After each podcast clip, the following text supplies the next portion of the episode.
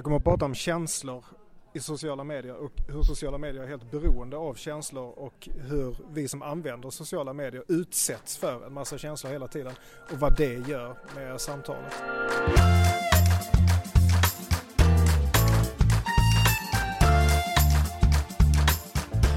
Hej! Helsingborg Live är äntligen tillbaka. Och nu dessutom som podd. Det här är ett samarbete mellan Campus Helsingborg och Helsingborgs Dagblad.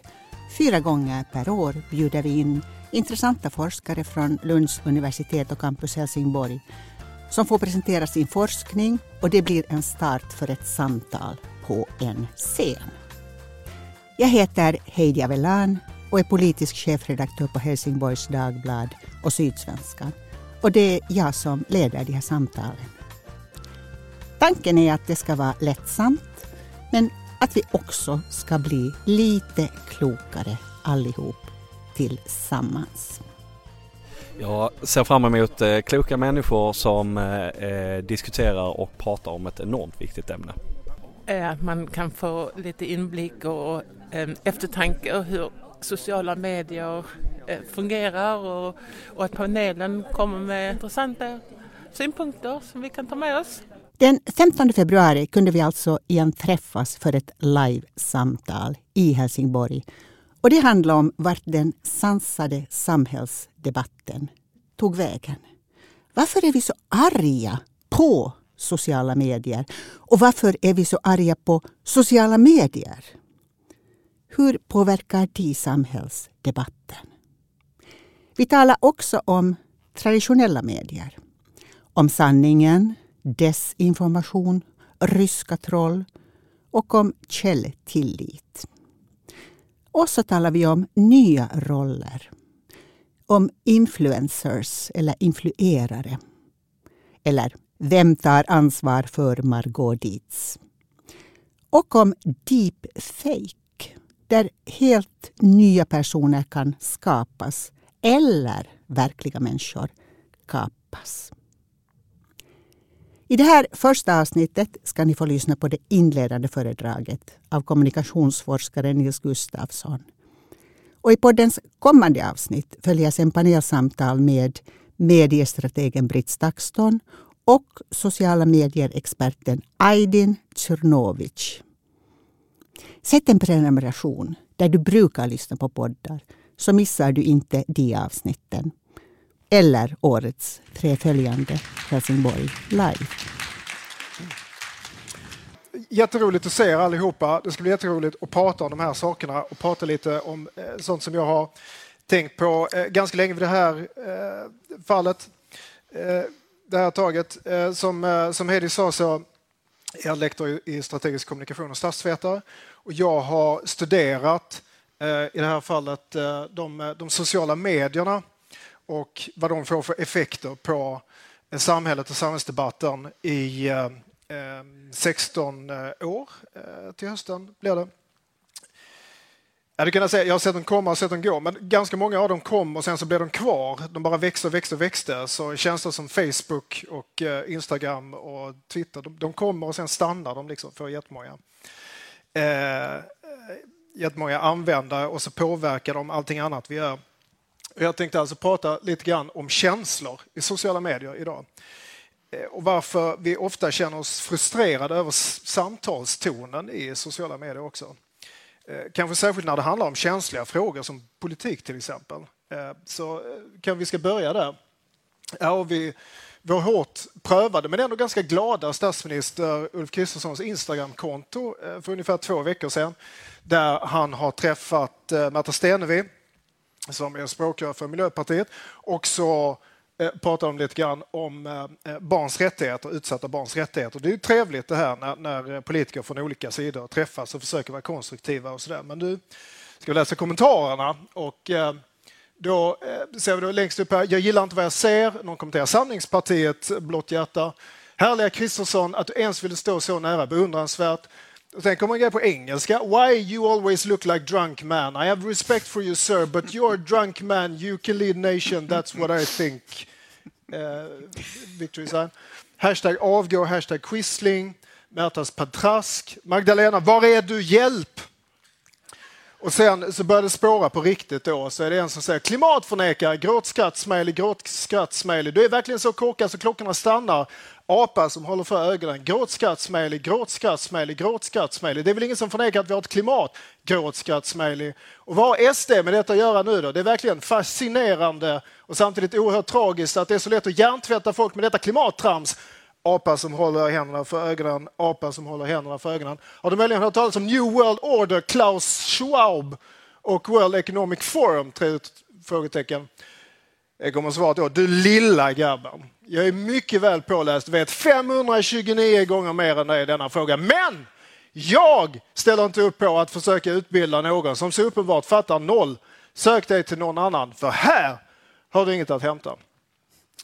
Eh, tänk att det alltid ska bli så här. Va? Eh, när vi hade kunnat ha ett sansat och, trevligt samtal om kanske, jag vet inte, barns eh, rättigheter eller någonting. Ja, ja. Låt oss eh, inte glömma att vi inte bara är arga på, sociala, på andra människor på sociala medier utan också på de sociala medierna själva. I början av 2010-talet så handlar debatten om sociala medier och vad det gör med samhället oftare om positiva aspekter eh, med sociala medier än vad de gör idag. Till vänster har vi från arabiska våren, Egypten. Eh, folk håller upp, man såg Facebook som någonting som är bra för demokratin och vi kan komma tillsammans och hjälpas åt och, och göra samhället bättre. Och sen, det här är från eh, något år sedan och då är det att, att Facebook är dåligt, sociala medier är dåligt, är dåligt för demokratin och så vidare. Så enkelt är det kanske inte som att sociala medier bara är dåliga, men det är uppenbart att vi har någon sorts problem. Så jag ska prata om tre olika faktorer med det här. Sociala medier drivs av känslor. Sociala medier och personlighet har ett, eh, ett samband. Och sociala medier präglas av strategier, strategisk kommunikation. tycker jag är viktigt som, som eh, sysslar med strategisk kommunikation. Eh, om vi då börjar med, med känslorna så har det sagts att sociala medier har en känsloarkitektur. Det innebär att känslor är helt fundamentala för hur sociala medier är uppbyggda och hur innehåll sprids i de sociala medierna. Eh, de försöker få oss att uttrycka olika känslor eftersom det är de känslor som innehållet väcker som avgör hur populärt ett innehåll blir och hur mycket vi vill vara kvar på de olika eh, känslorna. Som video på 10 sekunder som gör oss fullkomligt rasande eh, eller får oss att tokskratta jättemycket gör det mer troligt att vi också kommer dela det vidare till andra och sprida det.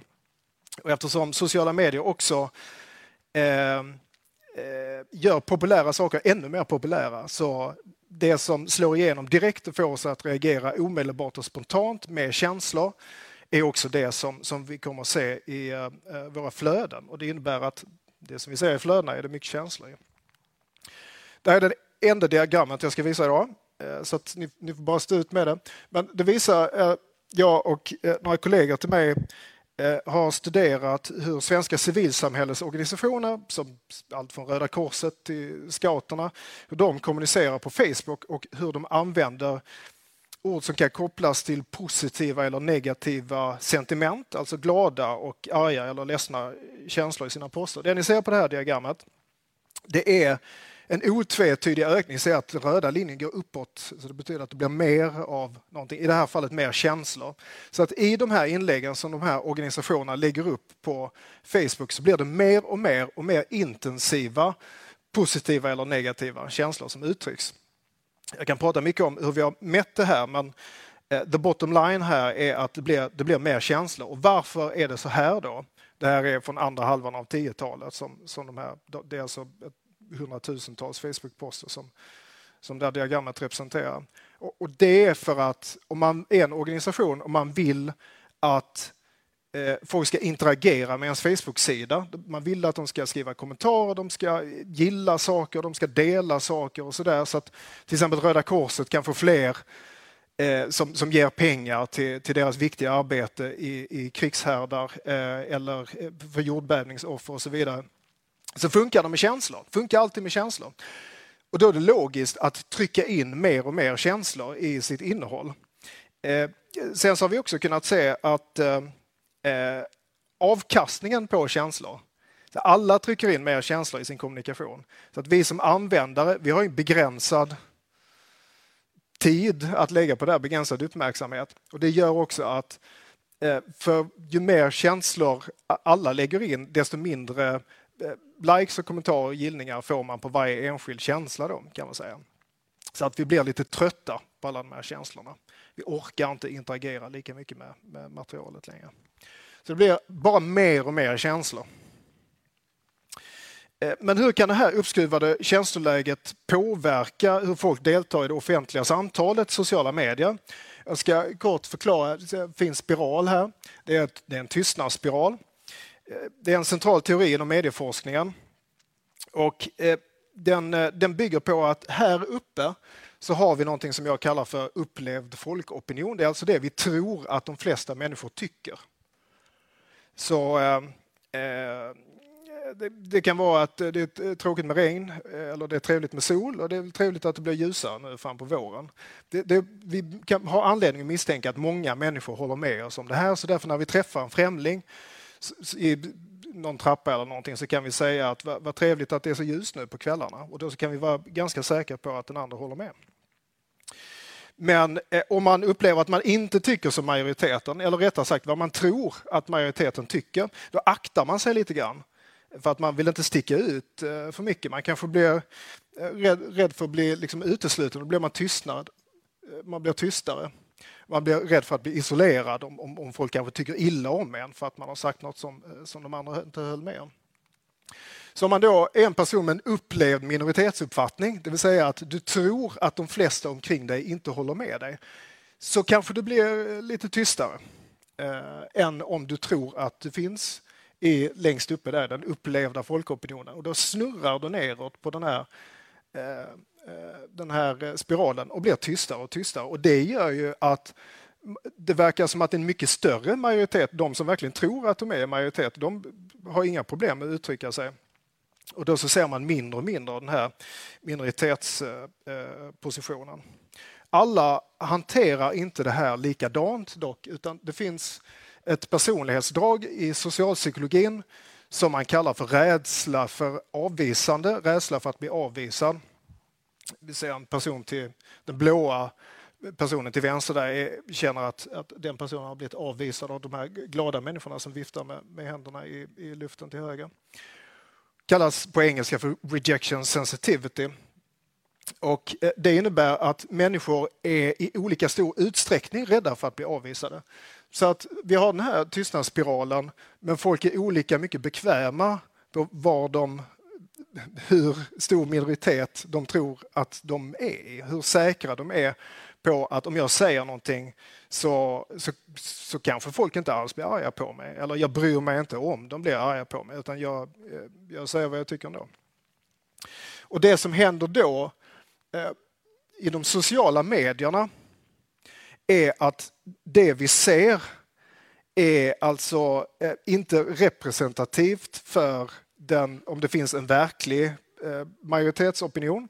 Det är inte heller ett representativt urval av befolkningen som postar grejer i sociala medier utan det är de som, eh, som helt enkelt inte bryr sig om vad andra tycker. Och Det spär på den här känslan av att det är lite det är lite taggigt. Folk blir liksom väldigt säkra på sin sak, väldigt starka känslor och sådär.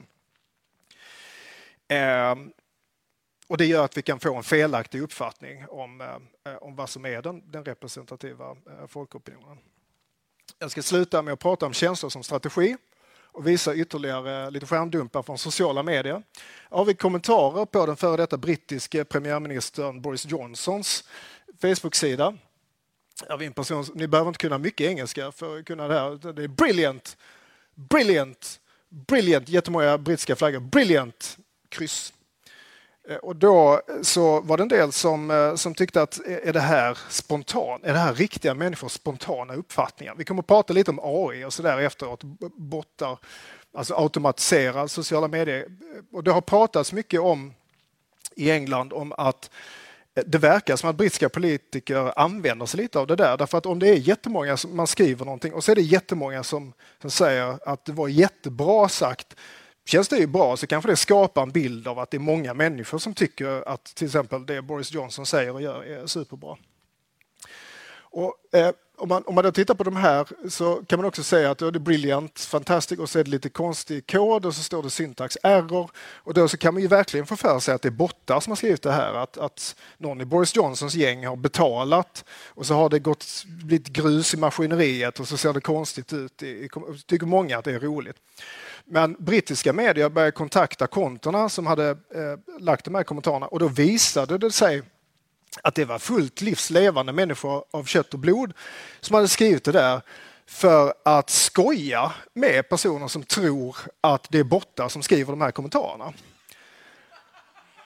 Och eh, då kan vi väl eh, eh fråga oss vad, det, vad vi lär oss av det. Och det kanske är att vi kanske inte ska bry oss så mycket om det är om det är bottar eller riktiga människor som skriver saker, det har ju samma effekt, liksom, samma strategiska användning av känslor. Eh, många av de känsloyttringar som vi ser i sociala medier är planerade för att ge en viss effekt på de som ser dem. Och andra är inte det, utan de är spontana, men effekten är densamma.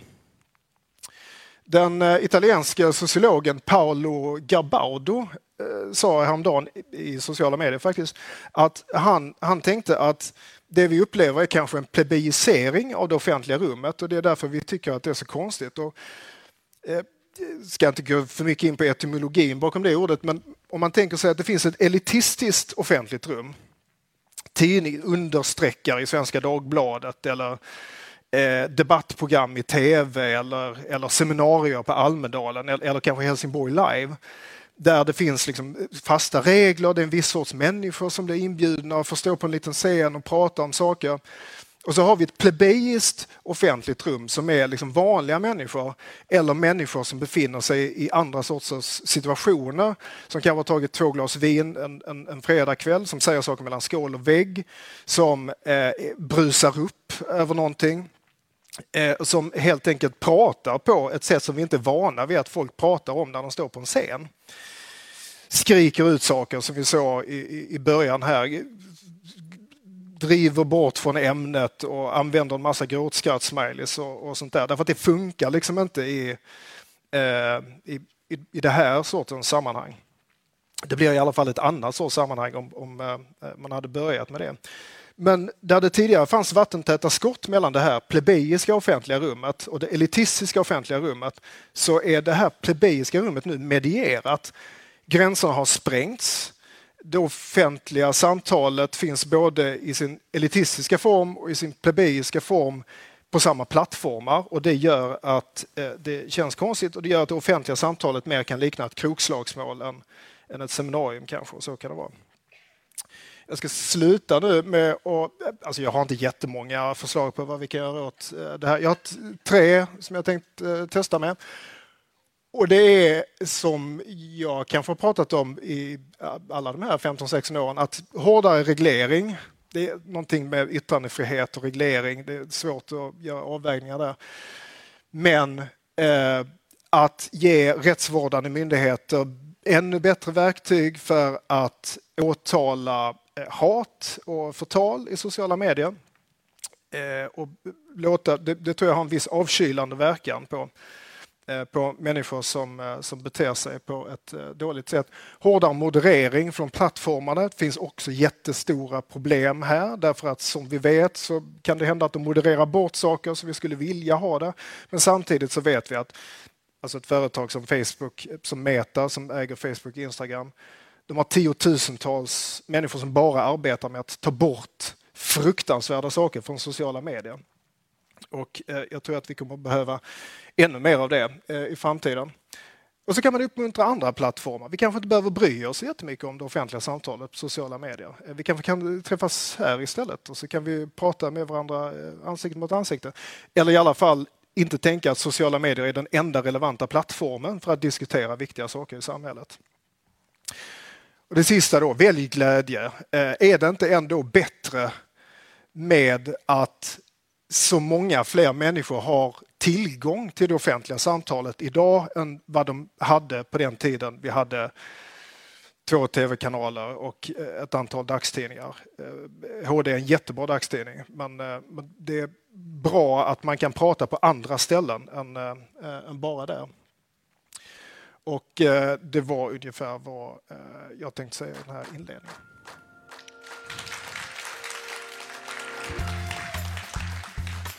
Nils Gustafssons föredrag inledde alltså Helsingborg Live den 15 februari och sen följde en intressant diskussion. Nästa vecka kommer det andra avsnittet av den här podden och då får vi höra mediestrategen Britt Stakston och sociala medier-experten Aydin Czernovic diskutera med honom. Och leder samtalet, det gör jag, Heidi Avellan. Vi hörs!